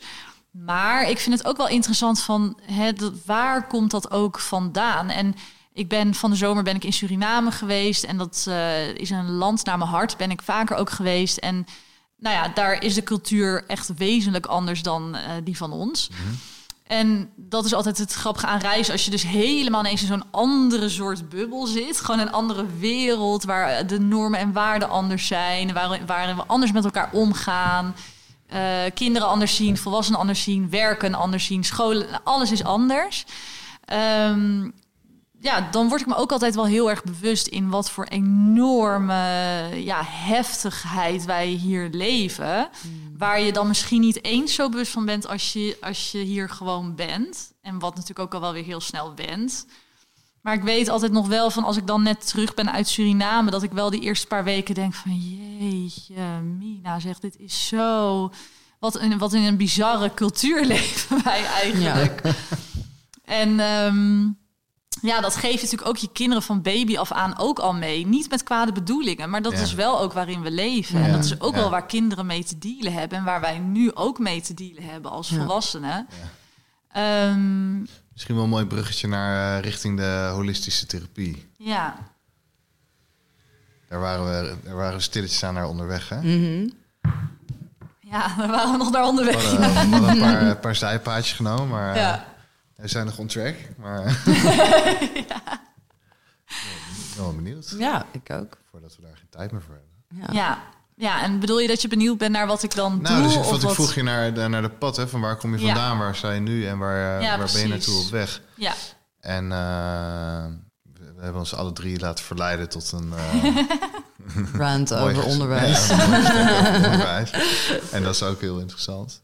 Eh, en ik ben ook nog interessant naar het volgende, naar wat er, wat, wat, eh, wat jouw volgende stappen zijn en hoe eh, of holistische therapie aansluit bij alles wat je nu hebt meegemaakt en denkt van dit is iets waar, waarin ik iets kan doen wat nog beter voelt of, of dat het gaat over iets anders. Weet niet, ik ben benieuwd hoe, je, Ja. hoe die stap is voor jou. Ja, ik vind het heel erg belangrijk dat ik als therapeut heel erg mezelf kan zijn. Dus dat, dat ik ook met iemand die ik behandel eh, praat als een gelijke. Dus niet van ik ga, eh, hè, jij zit nu in de shit en ik ga dat even voor jou fixen.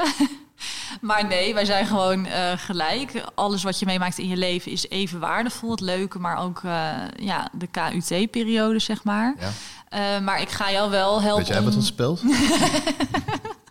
ik ga je wel helpen om bewust te worden van bepaalde dingen. Ja. Ehm, dus dat vind ik altijd heel belangrijk. En daarom ja, probeer ik ook altijd wel bezig te zijn met waar ik zelf ook een beetje in zit. Dat is dus nu dat stoppen met drinken. En wat ik daar interessant aan vind, is dat het dus bij heel veel mensen al heel snel niet meer over alcohol gaat, maar over hele andere dingen. Ehm, en eh, ik heb een, eh, een Instagram-account, Pakje Fris heet dat. En daar zijn we nu, we zijn gisteren gestopt daarmee. Maar we waren een maand, eh, gingen we stoppen met drinken. En ik ging hen daarin coachen. Eh, maar ik zou ook wel graag meer naar één op één coaching willen of therapie, zeg maar. Dat ik ook echt wat meer de diepte met iemand kan ingaan. Het was nu wel heel algemeen. We waren met honderd mensen, dus je moet het ook algemeen houden. Ehm, en ja, en ik heb ook zoiets misschien over een paar jaar zit het, gaat het weer ergens heel anders heen. Of weet je, ik heb ook wel eens gedacht. Eh, om, om meer iets met gezinnen te doen. Eh, nou, natuurlijk kinderen. Dat, vind ik natuurlijk ook heel leuk. Dus om daar meer mee te doen. Maar ja, ik ben inmiddels ook dat er zoveel in mijn leven gebeurt. En dat ik denk van, nou, dit had ik een jaar geleden nooit gedacht. Dat ik ook wel heel erg voel van het is gewoon meegaan met de stroming en het gebeurt. En Ja. en, en, en het gaat ook makkelijk omdat het goed is. En als het, heel veel, als het heel moeilijk is en heel veel weerstand oplevert, dan ga ik ook die andere kant weer op. En, Ja. ehm, dus ik ben sowieso niet heel erg dat ik dat heel erg plan of daar heel erg over nadenk of een soort strategie daarin heb. Of- Ja. ja. Ja. Hoe was die ervaring om eh, met 100 mensen eh, te praten over eh, stoppen met drinken? Maan? ja, echt geweldig. Ik vond het echt heel erg leuk. Ja. Ja, dat ik ook wel echt denk van, nou, dit is wel iets wat ik heel erg leuk vind om te doen. Ja. En waar ik ook goed in ben, dat, dat merkte ik ook eh, ja, in wat ik daarin terugkreeg en eh, wat het bij sommige mensen heeft gedaan. Dus dat, dat, ja, dat vond ik echt gewoon heel erg leuk. Ja? ja, ja. Mooi. Ja, en, en ook wel dat ik daarin dus ook merk van daarin is die dat rare of dat enthousiast of die gevoeligheid dus ook dat mag er dan dus wel zijn en dat is dan ineens niet meer raar, want dat vinden mensen ook wel heel fijn en ja, ja. Misschien moet je maar stoppen met het raar noemen. Ja, precies. Ja. Nee, ja, dat weet ik. Nee, nee het- het- ik weet ook niet of dat ik het oprecht raar vind, nee, maar ik snap wat je bedoelt. Ja, ja. ja, ja. En ehm, jij zei, dat vind ik wel interessant. Gaan we naar het interesse. En Wat ik wilde zeggen, dan gaat het soms wel heel snel niet meer over alcohol. Maar Ja. ik las eh, dit weekend ook een interview met eh, een therapeut in Volks, Volkskrant Magazine. Eh, en die noemde ook even een voorbeeld van een casus waar iemand komt die eh, een laag zelfbeeld heeft, maar ook te veel drinkt, zeg maar. En waarop hij dan zei van ja, je moet eerst gewoon stoppen met drinken, weet je wel. Want als je dat niet doet, dat is gewoon uitstelgedrag. Want dan, en hoe kan je dan ooit een, een beter zelfbeeld krijgen? Dus dat vond ik wel interessant dat hij het soort van ook omdraaide. Zei van ja, nee, doe nou, laat nou eerst in jezelf zien dat je, dat je zoiets kan. En Hmm. Kutten, zeg maar, maar gewoon Ja. doen. En dan ga je kijken wat er verandert. En, maar wat zijn jouw ervaringen daarmee? Met, eh, ook met die honderd mensen, maar ook met jezelf misschien. Wat, is er, wat heeft, een wat heeft zo'n beslissing allemaal voor jou gedaan? Ja, het is vooral heel belangrijk dat je echt gemotiveerd bent om te stoppen. En dat moet ook wel intrinsiek ontstaan. Dus je kan dat niet eh, bij een ander teweeg brengen. Ja, Ehm, je kan natuurlijk anderen wel inspireren, maar eh, ja, iemand moet het echt zelf willen. En het klinkt een beetje raar, maar mensen hebben ook recht op hun ehm, ja, uitvluchten, zeg maar. En hebben ook recht om op verdoving of op, om eh, middelen te gebruiken. Eh, voor sommige mensen is het ook gewoon niet eh, de tijd, zeg maar, om te stoppen. Ehm, en ik denk dat het ook wel mooi is om het zo te zien dat je ook niet met heel veel schuld en schaamte daarnaar hoeft te kijken, maar dat je dat blijkbaar ook op dat moment nodig had om je veilig te voelen of om verder te kunnen leven of om voor je gezin te kunnen zorgen of wat dan ook.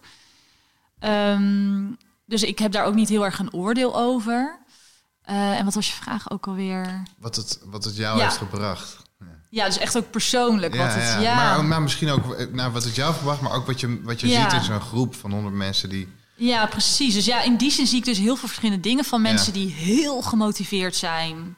En eh, waarbij het dus ook lukt. Dus Mhm. dat, dat ik echt merk dat die motivatie heel belangrijk is. Ehm, en ook wel mensen die het wel interessant vinden, maar ja, waar de motivatie iets minder is. En nou ja, dan, dan is dat ook oké. weet je wel, dan komt dat misschien op een ander moment. Of eh, ik had het zelf ook. Ik heb denk ik ook wel daarvoor afgaand een jaar lang, dat ken jij misschien ook wel, dat je dan heel erg ergert aan jezelf. En dat je denkt, nou, het lukt me weer niet. En ik wil eigenlijk minderen. Nou, dan ga ik maar twee wijntjes. Nou, dat lukt dan natuurlijk ook niet. Of tenminste, ik kan dat dus niet. Ik heb daarin geen grenzen. Ik ook niet. Ik begon zeg maar met een wijntje en eindig met een snuifje. Het Ja. bekende verhaal. Precies, ja. maar, Right there ehm, with you. Maar De, avond, de laatste avond dat we elkaar zagen, comes to mind. ja, allemaal heel erg leuk. Maar ja, wel frustrerend als je daar dus mee wil stoppen en dat dat niet lukt. Maar soms moet je dus ook die frustratie heel erg voelen om er Ja. echt klaar mee te zijn. Dat was zeg maar mijn, mijn... Sorry dat ik nu over jouw verhaal nee, nee, ja, geef niet. Maar nee. mijn, eh, mijn beslissing om te stoppen eh, zeg maar, het is inderdaad heel leuk van ja, je moet eerst stoppen en dan ga je beter voelen. Of weet je, als je Ja. beter voelt over jezelf, dan moet je eerst stoppen. En voor mij was het dus ehm, bij beslissing om te stoppen kwam na een weekend doorhalen. Dus Ja. eh, zeg maar echt, like, vrijdagavond was het begonnen. Zaterdagavond waren we nog steeds, weet je wel, zaterdagavond waren we nog steeds wakker. Eh, en eh, inderdaad, een drank, eh, weet je wel, het begon met een glaasje en toen eindigde het met een, met een lijntje, zeg maar. Ja. En, en, en wat voor mij in elk geval naar dat hele weekend naar boven kwam was... Jezus, ik heb gewoon geen zin meer om mezelf zo te haten. Like, het was niet eens een soort van zelfliefde, maar het was gewoon zo'n vermoeidheid met... Ik, ben zoveel energie aan het stoppen in mezelf haten en ik heb hier gewoon echt geen energie meer voor. Wat ben ik aan het doen? En pas daarna, pas lang daarna, eh, kwam dus eigenlijk ineens naar boven van... wow, dat, er zit hier heel veel zelfliefde onder. Ja. Maar het kwam eerst gewoon echt uit een behoefte om mezelf niet meer zo te haten. en dat, ja, en dat, Dat, is... dat is natuurlijk inderdaad ook een daad van zelfliefde. Ja. Precies, ja, alleen is inderdaad een heel, heel aparte manier hoe dat... Want Want je kan zelfhaat behoorlijk, eh, behoorlijk vaak stekken voordat je, Mm. voordat je aan de liefde toe bent. Zeg Precies, maar. en het, het komt zeg maar ook de manier waarop ik over mezelf nadacht. eh, is ook echt in fases gekomen. Want het was voor mij bijvoorbeeld echt, echt moeilijk om positief over mezelf na te denken. Laat staan om bijvoorbeeld te zeggen, weet je, ik hou van mezelf of ik wil goede dingen voor mezelf of ik ben het waard om. En als ik dat dan hardop zei, dan was het echt van barf. Ik geloof er niet in. Het voelt niet waar. Like, het, het voelt cringe. eh, het klinkt echt al- alsof, alsof ik, weet je wel, een soort van gekkie ben. eh, weet ik veel. En, en eh, dat, dat gevoel heeft voor mij in elk geval dus echt een kleine beetjes. Like you need to trick yourself bijna soms Ja. in, in dus goed voor jezelf zorgen. Mhm. Ehm, en en ehm, wat was mijn punt nou? Ik raak net mijn punt kwijt. Oh ja, nee, mijn punt was dat, eh, eh, dat dus dat stoppen met, met alcohol drinken in elk geval niet voel. Het voelde niet eens per se als dus een act of self-love, maar meer gewoon echt als een, eh, als een ik kan het niet meer. Mhm. En dat gevoel van ik, ik heb gewoon geen behoefte meer. eh, dat kan zo'n ontzettend sterk fysiek, fysieke eh, ervaring zijn die je dan hebt. Waar gewoon echt je hele lichaam gewoon zegt tot hier en niet verder. Ik ben er helemaal klaar mee. Zoek het maar uit. Als je verder gaat hiermee, prima, maar zonder mij. Ja. En, eh, en, en dat, ja, dat kan, dat kan zeg maar, niet voelen op dat moment zelf als, als zelfliefde. Maar dat Ja. is een agressieve vorm van zelfliefde. ja, precies. Ja. Lichaam. Ja. Hele harde knuffel.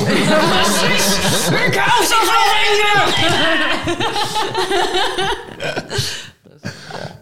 Een beuk Ja. op je hoofd. Ja, ik vond bij mezelf ook die gedachte dat ik het niet zou kunnen heel beangstigend. Dat was voor mij ook wel een reden om te stoppen.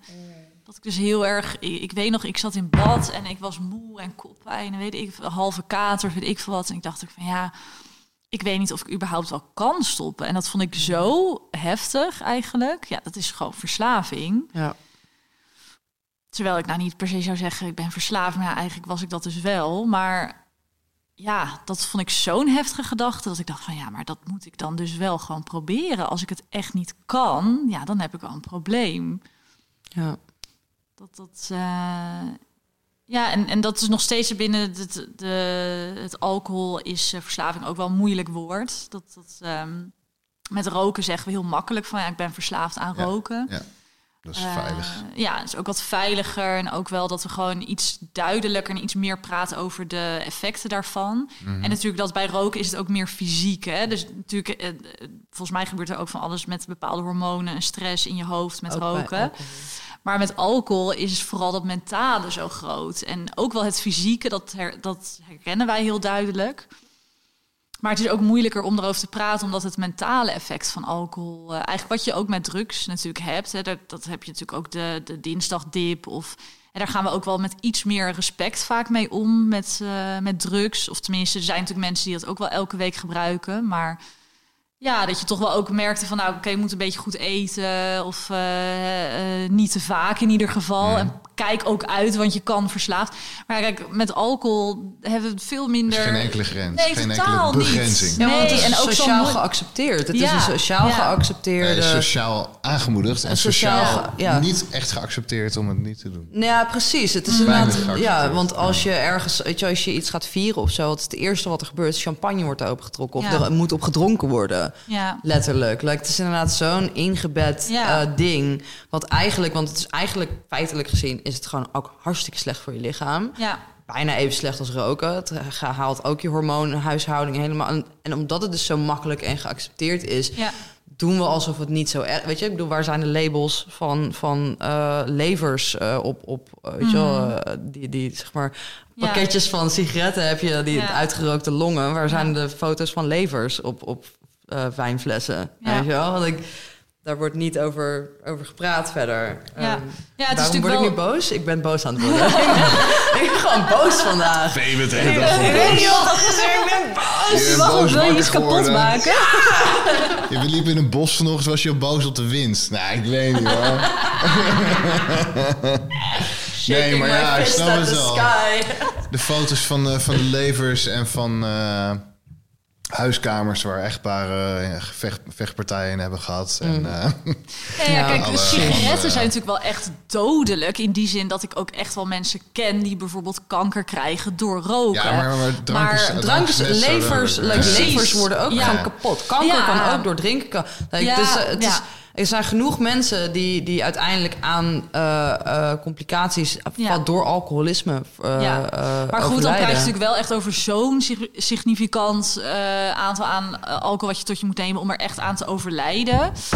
Eh, dus in die zin snap ik wel met sigaretten is het misschien wat acuter. Is, is de. Ja, sigaret was natuurlijk Alleen- linker, omdat je gewoon... eh, dat, dat kan je de hele dag door doen. Ja. Weet je wel, ook als je werkt. Ja. En, en dat heb Ja. je met drinken iets minder. Nou ja, ik wil, kijk, werk je de, de kanttekening die ik erbij wil plaatsen is van misschien hè, ga je er niet direct dood aan, maar ik denk wel dat we echt onderschatten wat dus mentaal het voor effect Hmm. heeft. En, en hè, dat, dat eh, op het moment dat Ja, vertel iemand... daar eens iets over. Je, je, legt net even de link naar de, de dinsdagdip Ja. met, eh met nou ja, eh, precies. Dat, drugs, dat als je bij de dokter komt hè, en zegt dokter van ja, het, ik voel me gewoon niet zo lekker, ik voel me niet zo fijn. ja, ik heb niet zoveel plezier meer eigenlijk in mijn leven. En ja, ik ben ook wel veel moe. En nou ja, dan zal een huisarts niet zo snel zeggen van stop eens een half jaar met drinken. Mm. Weet je wel, dat, dat terwijl ehm, eh, heel veel van dat soort vage klachten en, en ook angstklachten. Er zijn ook onderzoeken gedaan met een groep eh, mensen met vliegangst. En die moesten stoppen met drinken. De angst was volledig weg. Dus het, heeft ook een, een complete invloed op je, eh, ja, het, het gedeelte van angst in je hersenen. En dat kennen misschien mensen ook wel, dat als je echt een enorme kater hebt, dat je dan wat paranoïde bent of Ja. wat, gewoon wat kwetsbaarder voelt. Eh, nou, dat, dat je wat angstiger bent, wat zweteriger, wat onrustiger. En dat wordt wel onderschat. Dus ik denk echt dat bij heel veel mensen door regelmatig drinken het, de kwaliteit van leven wel echt daadwerkelijk minder is. Ja. Ja. En daar wordt heel weinig over gepraat. Mhm.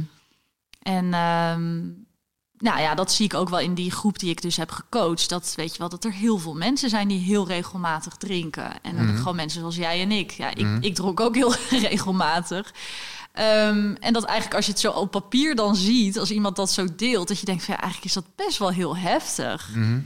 Maar ja, ja dat, er is ook nog wel echt een taboe eh, op om daarover te praten. En dat merk jij natuurlijk ook en ik ook, dat op het moment dat je het vertelt, dat je gelijk ook een reactie krijgt. Of gelijk ook Je moet waarom, verantwoorden. of- je moet ja. verantwoorden waarom Ja. jij niet meedoet Nee, meer. ja. En dat is zo'n raar iets. Van, uiteindelijk is het gewoon een gezondheid. Zeg maar als iemand komt met, eh, ik ben begonnen met hardlopen.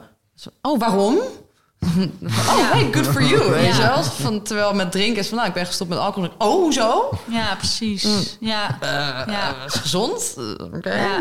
Ja, Ja, sorry, en, en nee, nee, dat maakt niet uit. Nee, want er lopen ook wel in, in, de, in de cursus lopen heel veel mensen daar tegenaan. Dus de reacties van anderen. Ja. Dus ook het stoppen vinden sommigen heel moeilijk vanwege de omgeving. Ook de partner of eh, nou ja, dat iedereen eigenlijk drinkt. Ja. Eh, maar ja, wat, wat ik dan ook vertel, hè, is dat anderen zijn een spiegel van jou. Dus vaak reageren mensen niet per se dat ze echt daadwerkelijk denken dat je nu heel saai bent of niet meer meedoet. Maar ze denken het eerder over zichzelf. Van ja, als ik daar nu mee zou stoppen, dan zou ik mezelf zo saai vinden. En het is vaak de, de reactie die je krijgt, is, is vaak een spiegel. Jij bent hun spiegel, zeg maar.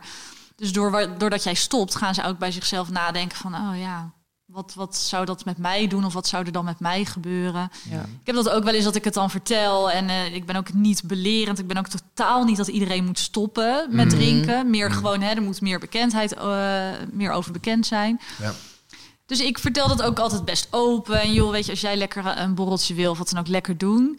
En dat ik heel vaak ook een reactie krijg. Ja, maar ik ben niet verslaafd hoor. Ik drink niet zoveel. En dat ik dan ook denk van nee, maar dat zeg ik ook niet. dat is helemaal niet wat ik zeg. En Ja. dat je gewoon heel erg merkt, het doet echt wat met de ander op het moment Ja. dat je ehm, ja, dat je dat voorlegt. Ja. Ja. En je noemde inderdaad ook al even eerder in het gesprek, hè, dus de, eh, je mist ook de mogelijkheid tot verdoving. Dus het maakt niet alles makkelijker en beter. Want je wordt ook gewoon geconfronteerd met die momenten Absoluut. dat je s'avonds op je bankje zit en dat je denkt van nou, ik vind het eigenlijk allemaal eh, niet zo heel gezellig. Als Ja. ik nu gewoon vier wijn zou drinken, zou het allemaal geen probleem zijn. Ja. Toch? Hoe, eh, hoe, hoe is dat? Vind je daar ook een soort van. eh, ik weet niet hoe ik deze vraag formuleer, maar misschien wel gewoon van. Hoe ga je daarmee om met die momenten? En eh, voelt het uiteindelijk ook ergens als winst? Of is, dat, of is dat gewoon een soort van de prijs die je betaalt voor eh, iets hebben gekend wat een makkelijke, eh, makkelijke vlucht is die je Ja. niet meer kunt nemen?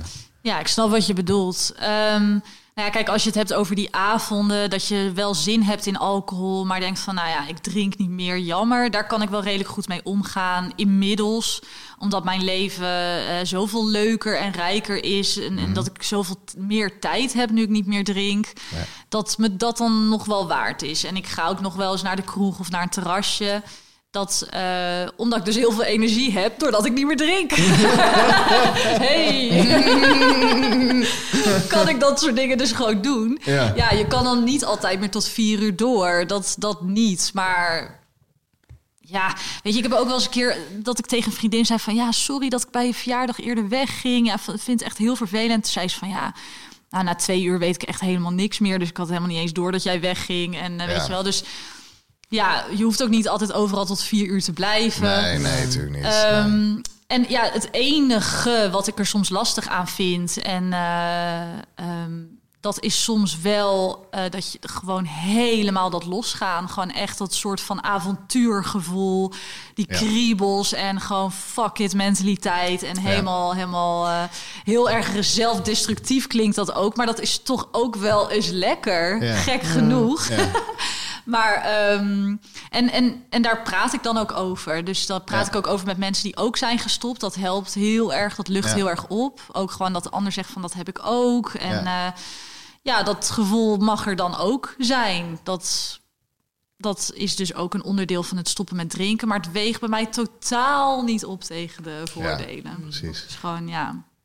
Even een, een vraag. blij voor je. Ja. Ja, cool. Ja. Ik voel ook de, de oprechtheid van je verhaal gewoon. Het is Ja. echt eh, mooi. Oh, mooi. Ja. ja. Even een vraag tussendoor. Heb jij ook wel eens dat je ehm, een contact high krijgt van mensen die dronken zijn? Dat als je met mensen omgaat die dronken zijn, ja. dat je dan een soort van second-hand dronkenheid krijgt. Dus ik heb wat dat betreft, zeg maar, het soort van avontuurlijke of dat hele ja, eh, speelse of zo. Ik, ik, ben van mezelf al best wel dat.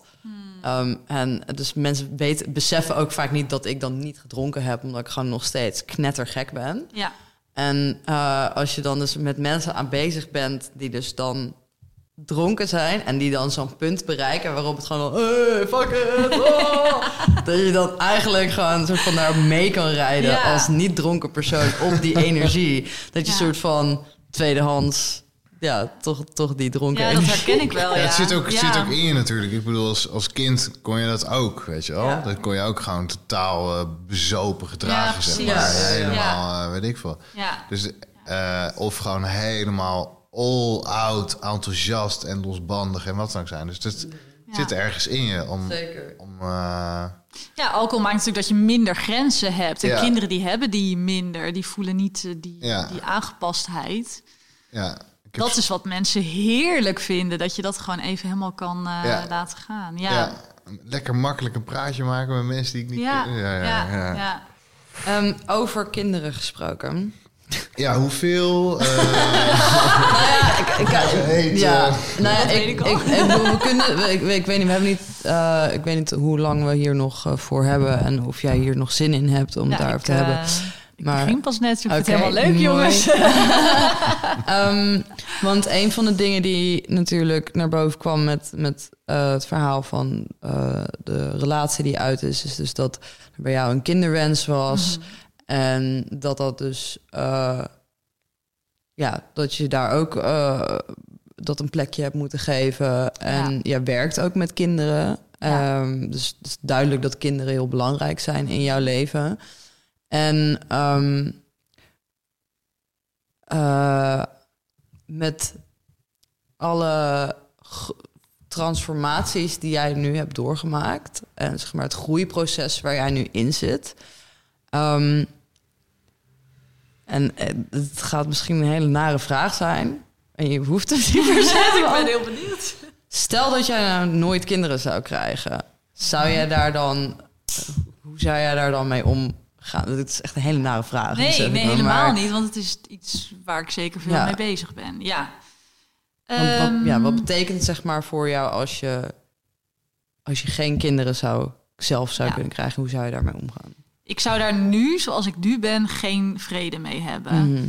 En dat eh, vind ik ook heel moeilijk. Dus, ehm, maar dat is gewoon zo. Ja. Want die, die wens zit bij mij zo diep. Dat is echt, eh, nou ja, toen ik, toen ik zelf twaalf was of zo, wist ik al van ik wil gewoon moeder worden. En ook van heel veel kinderen. Mhm. Nou, dat, dat gaat niet meer lukken, eh, zoveel waarschijnlijk.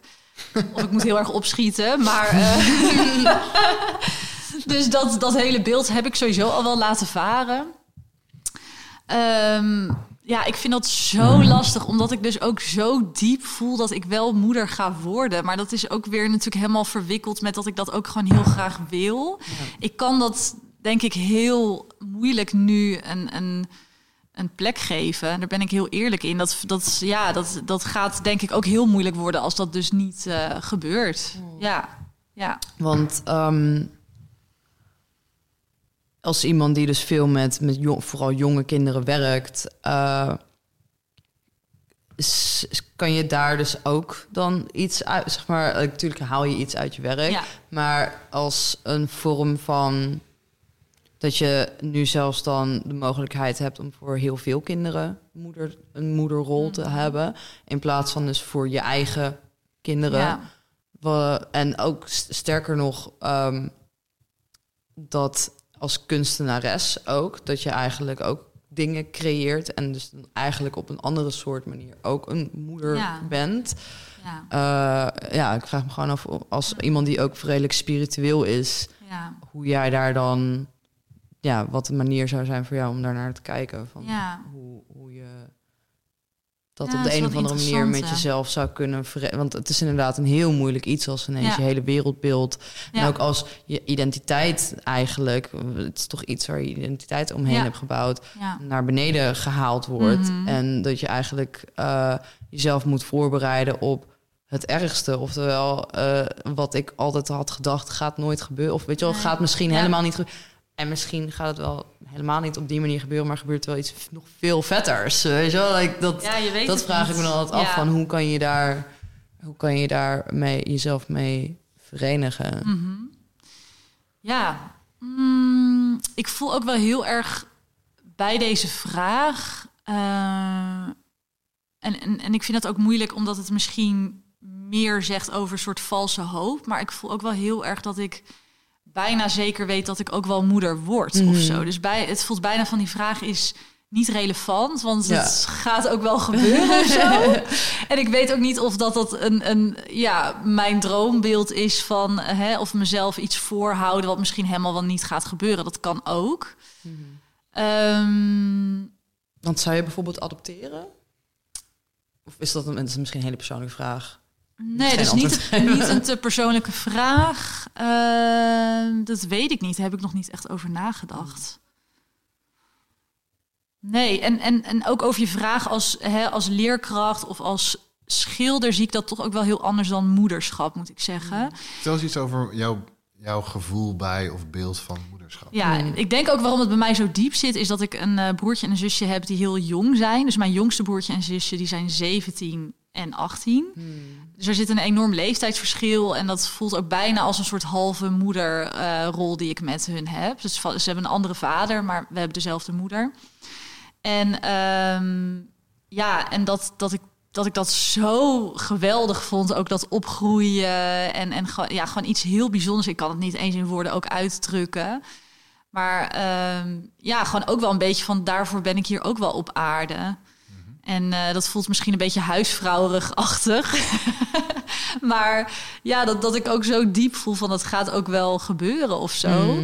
En ik heb ook wel, dat, dat, het, dat komt ook wel een thema in mijn leven. Ik heb ook wel een soort van, hen, of dat nou terecht is of niet, maar altijd een soort positiviteit. Dat ik ook heel erg uitga van het positieve. Ja. Ehm, en dat ik ook zoiets heb van, nou, hè, over vijf jaar, misschien als ik 38 ben en eh, hè, ik ben nog alleen of zonder kinderen, ja, dan zie ik dan wel weer. Of dan ben ik misschien ook wel weer, sta ik anders in het leven. Ik kan me daar bijna geen zorgen om maken. Terwijl ik word er soms wel verdrietig van dat ik denk van, oh, ik had het wel gewild. Maar ik voel ook wel weer heel sterk van, mijn leven loopt precies zoals het moet. Ja. En, eh, en dat is mooi zoals het is. Ja. Mm, En ik vind het ook echt. eh, het, klink- het klinkt een beetje een soort van. Alsof je ervoor schaamt dat dat als, dat dat als iets huisvrouwenachtigs klinkt. Maar wat voor groter goed is er nou dat iemand echt voelt. Ik wil eh, eh, er met alle zorg en aandacht voor mijn kinderen zijn. Ja. En dat zie ik Mm. als een van de belangrijkste taken in mijn leven. Mhm. Ja. Dat, dat wij Ja, daar het niks- etiket, dat je toevallig een vrouw bent.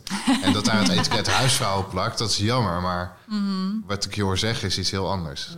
Ja, oh, mooi. Nou, gelukkig dat het zo overkomt. Ja. Ja, ja. Ja. Ja. Dus, ehm, zullen we dat gewoon zo meteen het etiket verbranden? Ja, dat doen we. Amas in heel het land, al onze luisteraars. En Mhm. ja. Schrijf ergens huisvrouw op en, eh, verbrand het. verbrand het. ja. Ehm, vind, eh, hebben we nog, eh, nog andere dingen waar jij, eh, waar jij graag naartoe wil? Nou ja, ik denk dat we sowieso eh, de adviesvraag gaan vragen. Ja, let's go. Ja. Als jij eh, onze lieve luisteraars, onze, onze miljarden luisteraars. Ehm, nee, als jij, als jij eh, de mogelijkheid zou hebben om mensen advies te geven eh, over en dan vooral rondom uit je schulp komen, wat voor een advies zou jij geven aan mensen?